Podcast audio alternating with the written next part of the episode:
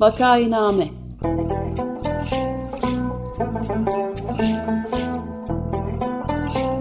Salgın günlerinde memleket manzaraları. Hazırlayan ve sunanlar Güven Güzeldere, Ömer Matra ve Özlem Tekin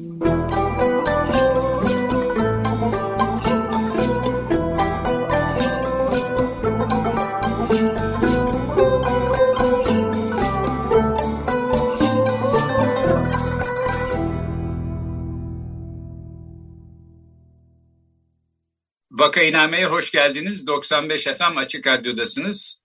Programı Ömer Madra, Özlem Teker ve ben Güven Güzeldere birlikte sunuyoruz. Bugün Ömer Madra bizimle birlikte değil. Konuğumuz gazeteci ve milletvekili Ahmet Şık. Hoş geldiniz Ahmet Bey. Hoş bulduk, iyi yayınlar. Hoş geldiniz. Ee, konuğumuz Ahmet Şık, İstanbul Üniversitesi İletişim Fakültesi Gazetecilik Bölümünden mezun oldu. 91 ve 2007 yıllar arasında Cumhuriyet, Evrensel ve Yeni Yüzyıl gazeteleriyle Nokta dergisinde muhabir, Reuters Haber Ajansı'nda da foto muhabiri olarak çalıştı.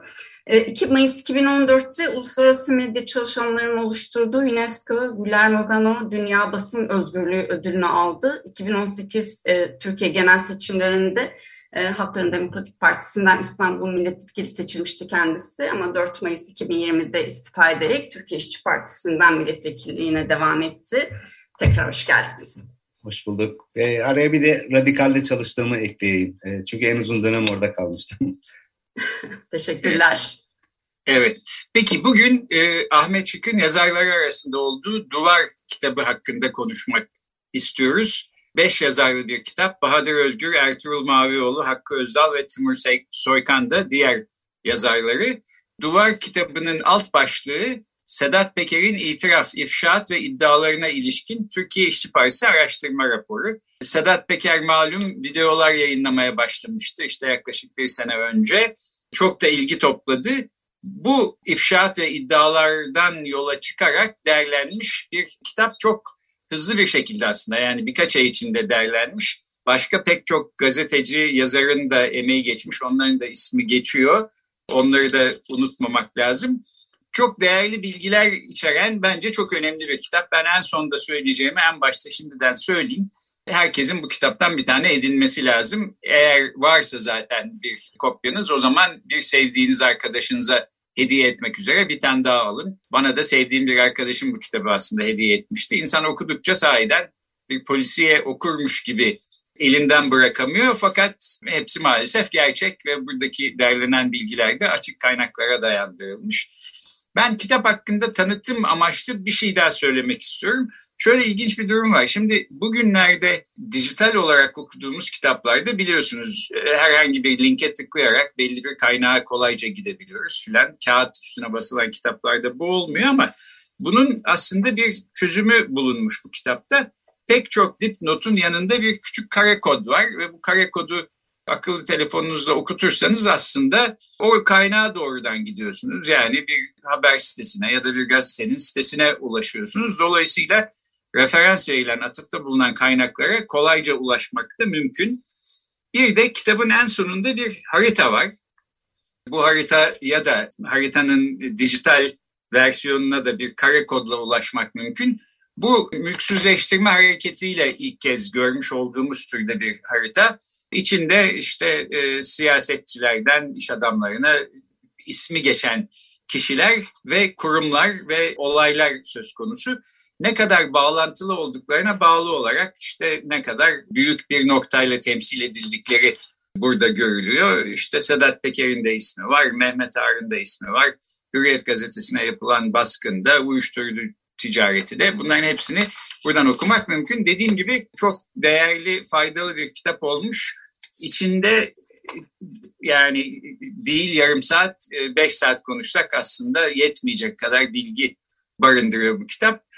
Fakat nerelerini altını çizelim, hangi kısımlarını atlayalım da hangilerinden e, söz etmeyi unutmayalım. Ahmet Bey ben bunu size bırakayım. Kitabın bir özetiyle acaba başlayabilir miyiz? Evet.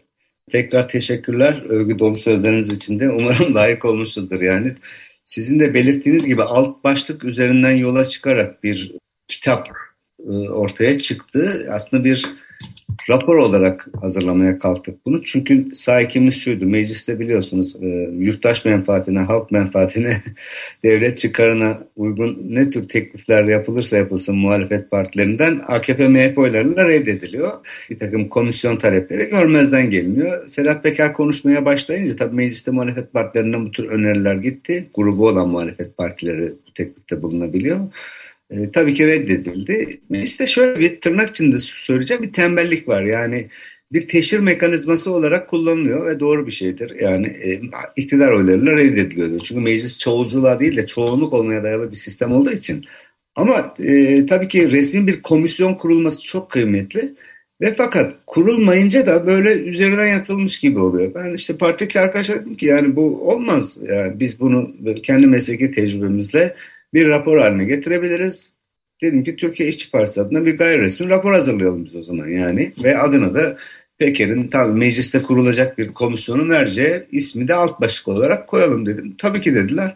Gazeteci arkadaşlarımı açtım. İşte imzası olan teşekkürde yer verdiğiniz bir dolu arkadaşımız. Hemen bir e, ekip kuruldu. Ki bu arada Türkiye İşçi Partisi ile organik ilişkisi olan bir tek ben varım. E, arkadaşlarım farklı siyasi hareketlere mensup ya da o gelenekten geliyor falan ama ya burada gerçekten hani mesleki olarak çok iç gıcıklayıcı bir konu. Hepimizin ilgilendiği bir takım alanlar ve bir suç birikiminin üzerine oturmuş bir iktidar var. E, herkes katkı sunmak istedi. Çok sağ olsunlar hani huzurunuza da te- teşekkür edeyim tekrar. Çünkü kimse beş kuruş para da almadı bundan yani. Çünkü ciddi bir emek olmasına rağmen e, geliri de Türkiye İşçi Partisi'ne aktarılsın diye de bir şey e, sahiple hareket edildi. E, ve biz oturup başladık çalışmaya yani. Ve tabii ki yol haritasını Peker'in anlattığı iddia, itiraf ve itiraflardan yola çıkarak kurmak zorunda kaldık. Yani çünkü raporun konusu bu e, ya da kitabın bir de hani e, bildiğimiz bir takım şeyler var ama en azından ifşa olanların gördüğü ilgi üzerinden bir, bir araya getirelim dedik. E, bir tarihsel analojiyle birlikte Türkiye siyasi tarihinin bu karanlık tarihin analojisiyle birlikte de e, elinizde kitap ortaya çıktı ama biraz adıyla müsemma bir şey oldu. Türkiye'de kirlilik tarihi çok uzun bir geçmişe dayandığı için bakıyorsunuz ve işte çok adıyla müsemma dedim tuğla gibi bir kitap çıktı. Hani kalınlığı için özür dilerim ama olabilecek en kısa hali de bu idi.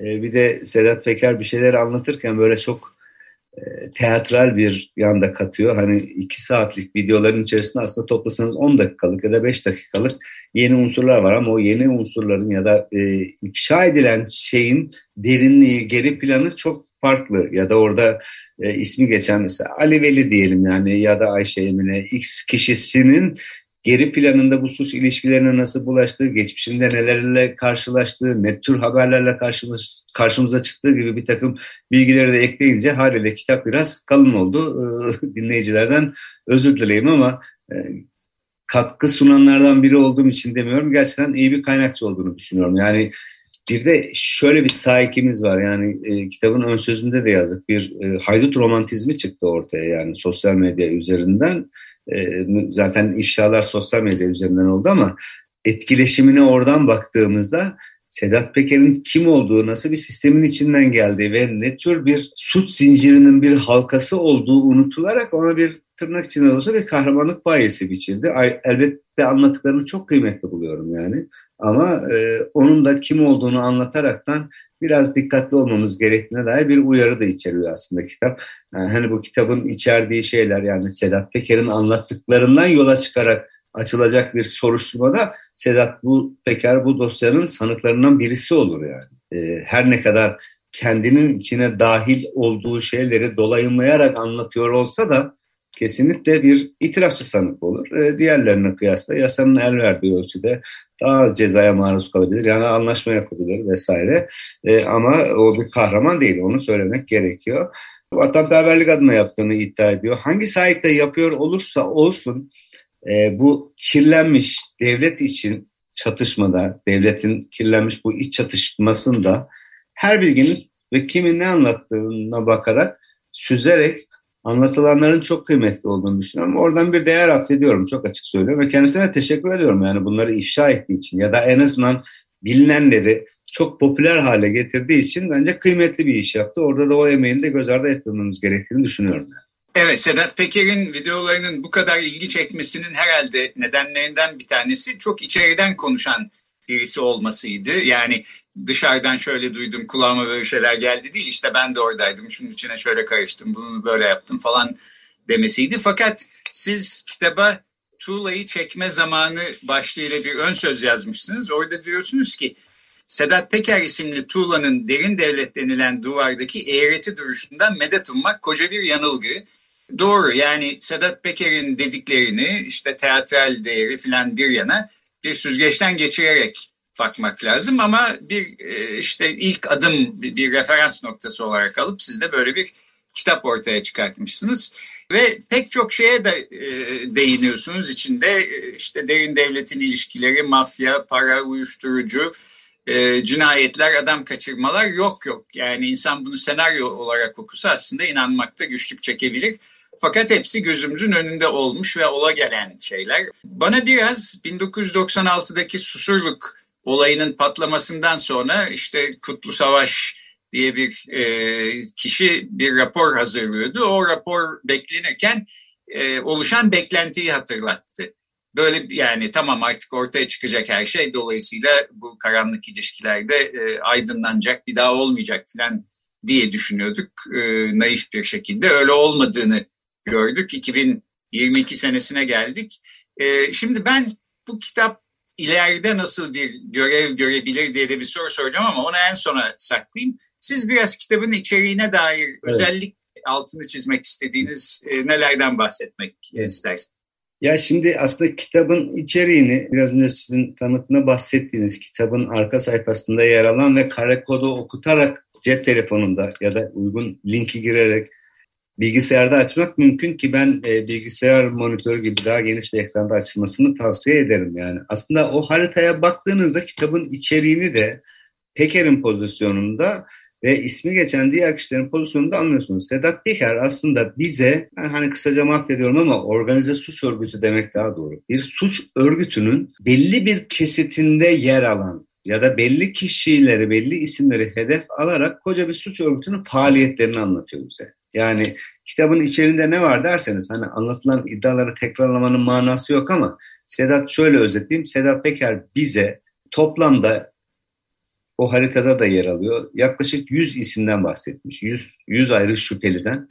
Ve bu 100 ayrı şüphelinin Türk Ceza Kanunu'nun 51 ayrı maddesini tam 360 ayrı kez ihlal ettiğini anlatmış. Bunun içerisinde rüşvet var, görevi kötüye kullanma var, suikast var, illegal yasa dışı silah dağıtımı var, uyuşturucu ticareti, fidye için insan kaçırma hani bir filmde ve mafyayı merkeze alan bir mafya ailesini anlatan bir filmde ne görüyorsanız ya da iddianameye konu ediyorsanız bizatihi bu siyasi iktidar eliyle ya da siyasi iktidara yakın kişiler, o iktidarın parçası olan kişiler eliyle bizatihi bu suçların 360 ayrı kez işlendiğini anlatmış. Yani o haritaya kısaca saray rejiminin, saray iktidarının ya da sadece e, AKP iktidarının demek de daha doğru olabilir. Çünkü sadece AKP'nin bileşenlerinden bahsediyor.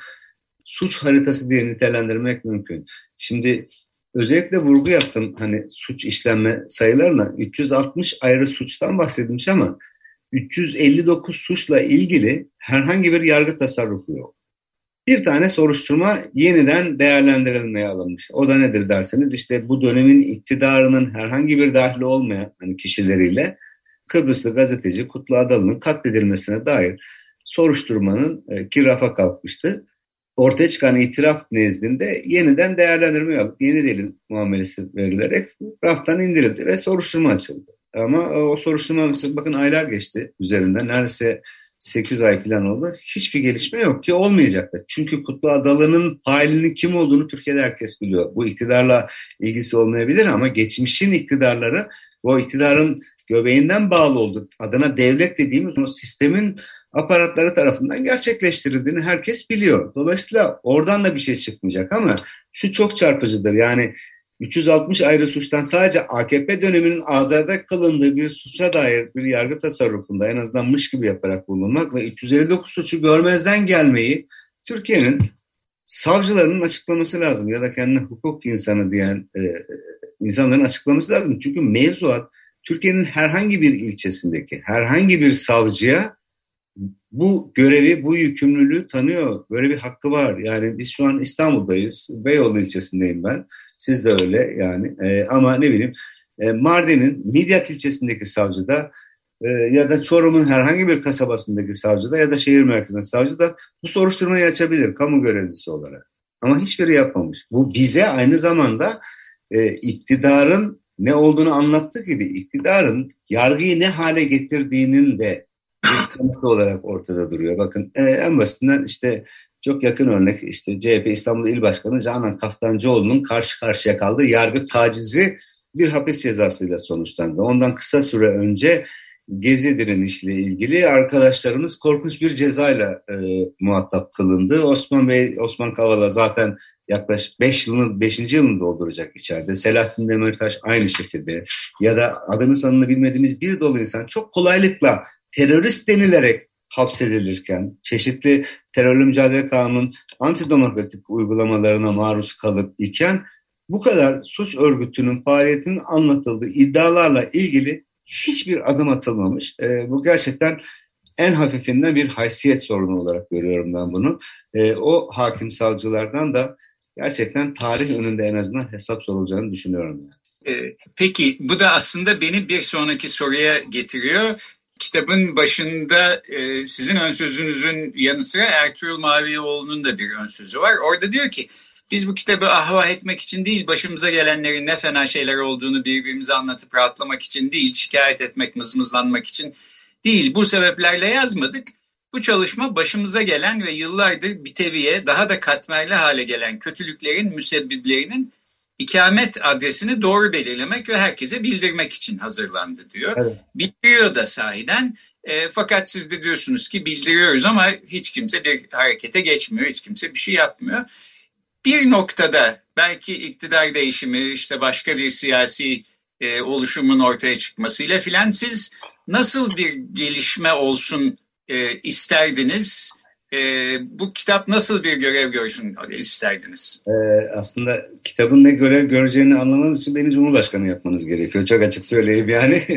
ya da içimizden birinin gerçekten evrensel hukuk ve demokrasi normlarına inanan birinin e, bu yetkilerle Cumhurbaşkanı olması ya da siyasi iktidarın temsilcisi olması gerekiyor. Çünkü benim hiç kimseden yana bir beklentim yok. Şu mevcut kitle muhalefet partileri açısından söylüyorum. Çünkü herkes kitaba da baktığınızda aslında bir şekilde o suç ilişkilerinin içerisinde olduğunu görüyorsunuz. Kişi olarak bahsetmiyorum ya da özellikle herhangi bir siyasi partiyi kastetmiyorum. Mevzunun bir sistem sorunu olduğunu anlatıyorum. Sizin biraz önce yayının başında söylediğiniz susurluk dönemine atıfla söyleyeyim. Hani gerçekten e, tahmin ediyorum aynı yaşlardayız. E, ben o zaman 25 yaşındaydım. Yine gazetecilik yapıyordum. Ve gerçekten çok heyecanlandığım bir dönemdi. Hele ki şimdikiyle kıyasladığımızda çok çok çok daha iyi bir toplumsal muhalefet, o toplumsal muhalefetin sesi olmaya çalışan çok daha iyi kitle partileri ve siyasetçiler ve bugünküyle kıyasladığımızda görece hukuk normuna bağlı yargı mensuplarının olduğu bir dönemde ve elimiz kuvvetliydi. Ona rağmen biz ondan bir sonuç elde edemedik ki Meclis Araştırma Komisyonu kuruldu. Kutlu Savaş Başbakanlık Teftiş Kurulu Başkanıydı. MIT iki ayrı rapor hazırladı ki zaten susurluk e, bir çetesi bir kazayla deşifre olmadan önce yine bir medyaya sızdırılan bir MIT raporuyla zaten haberdar idik. Yani kaza olduğunda ilişkiler ortaya saçıldığında konuyu takip eden bizler için şaşırtıcı olmadı. Çünkü raporda anlatılan her şey kanıtıyla, belgesiyle karşımıza dökülmeye başlandı.